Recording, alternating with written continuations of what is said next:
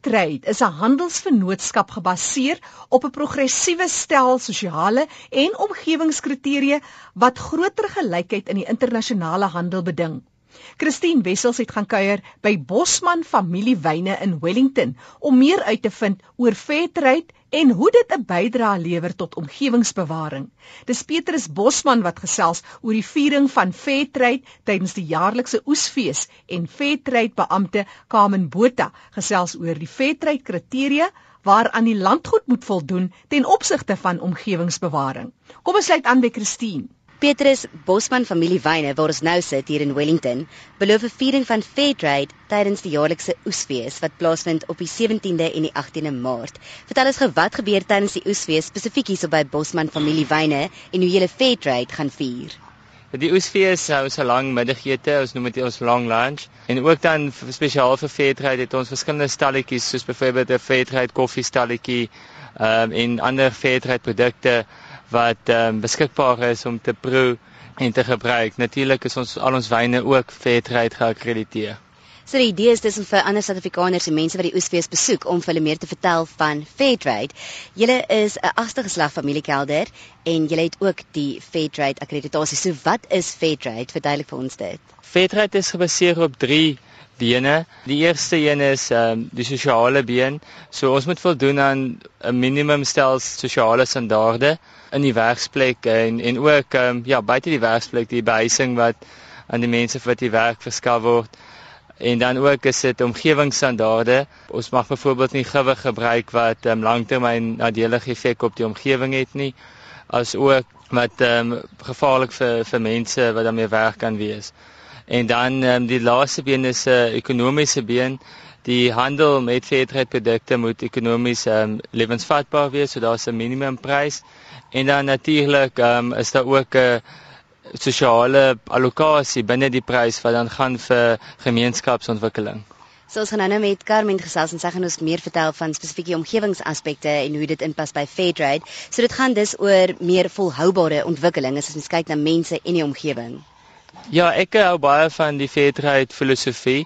Juis as gevolg van die volhoubaarheid, die feit dat daar um, voorsiening gemaak word van volhoubaarheid en ekonomiese aspek, maar terselfdertyd laat ons kyk na die omgewing as ook na die mens in sy omgewing. Dit is um, die goeie ding van fairtrade is daar totale in Engelse woord is traceability, um, deursigtigheid in die produk. So jy weet dat die produk in, op 'n etiese manier vervaardig is en dat dit in in lyn is met um, gesonde omgewings en sosiale praktyke die geld wat ingesamel word tydens die soos jy dit noem die long lunch hierdie middagete tafels wat jy gaan uitpak met kosse van die omgewing. Daar gaan ook 'n sekere persentasie van die opbrengs gaan na Pebbles wat 'n nie-regeringsorganisasie is. Vertel ons meer daarvan. Ja Pebbles um, werk baie lekker saam met ons in die sin dat hulle van die Fairtrade en premie wat ons insamel gaan om ons crashes verder te ontwikkel en op te gradeer en Pebbles is 'n spesialisorganisasie um, in die Kaapse wynlande wat op uh, crashes um, spesialiseer. Ja, ons het gedink dit net gepas om vir hulle 'n bietjie blootstelling te gee om sodoende ook meer van hulle goeie werk te kan doen. So vir meer produsente of mense wat deel is van Fairtrade kan ons gaan kyk by www.fairtradesa.org.za, maar dis 'n internasionale instansie. Ja, Fairtrade is die mees erkenbare etiese waarmerk in die wêreld.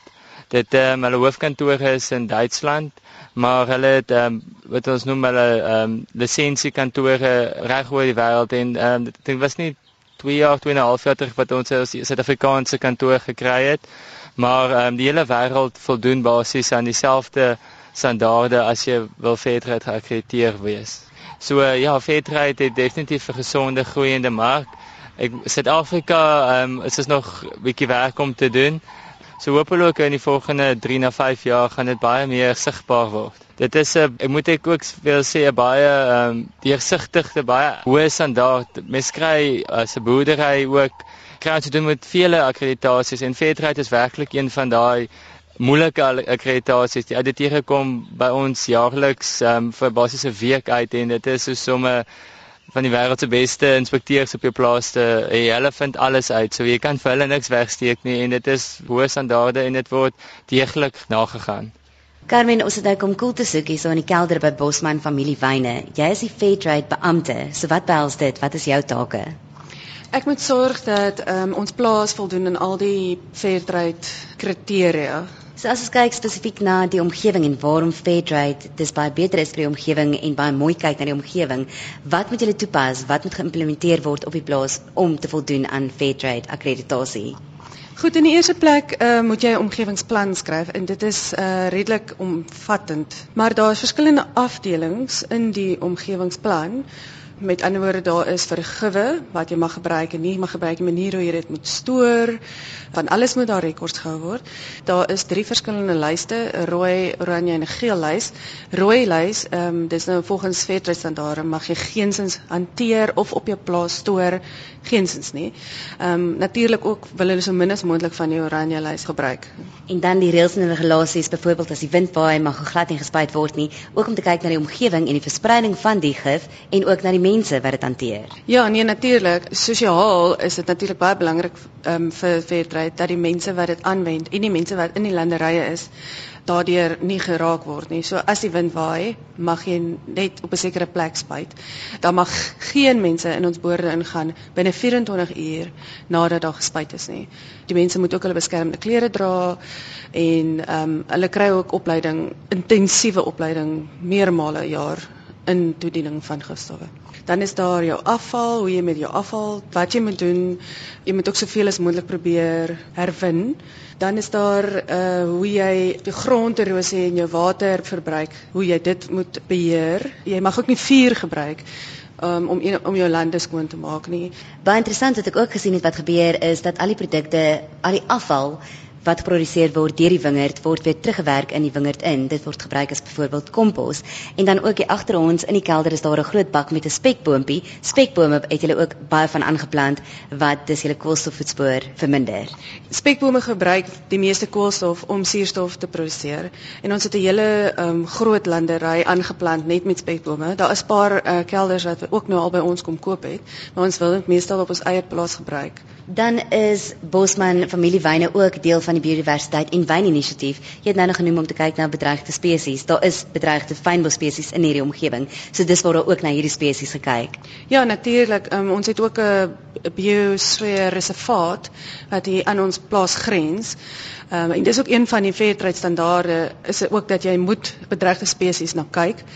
En omdat ons 'n uh, bioreservaat het en um, in 'n bergagtige deel is, um, is hier redelik baie plant en diere spesies wat ons definitief wil behou. As ons kyk na Wellington en omgewing, dit is 'n baie droë area. Die reënvalsyfers die afgelope paar jaar was baie laag. Soos jy genoem het, water speel 'n baie belangrike rol om hierdie Fairtrade akkreditasie te kry. Moet jy baie mooi kyk na jou waterverbruik. Ja, dit is so en Wellington wat verskriklik warm raak, uh, is daar groot verdamping.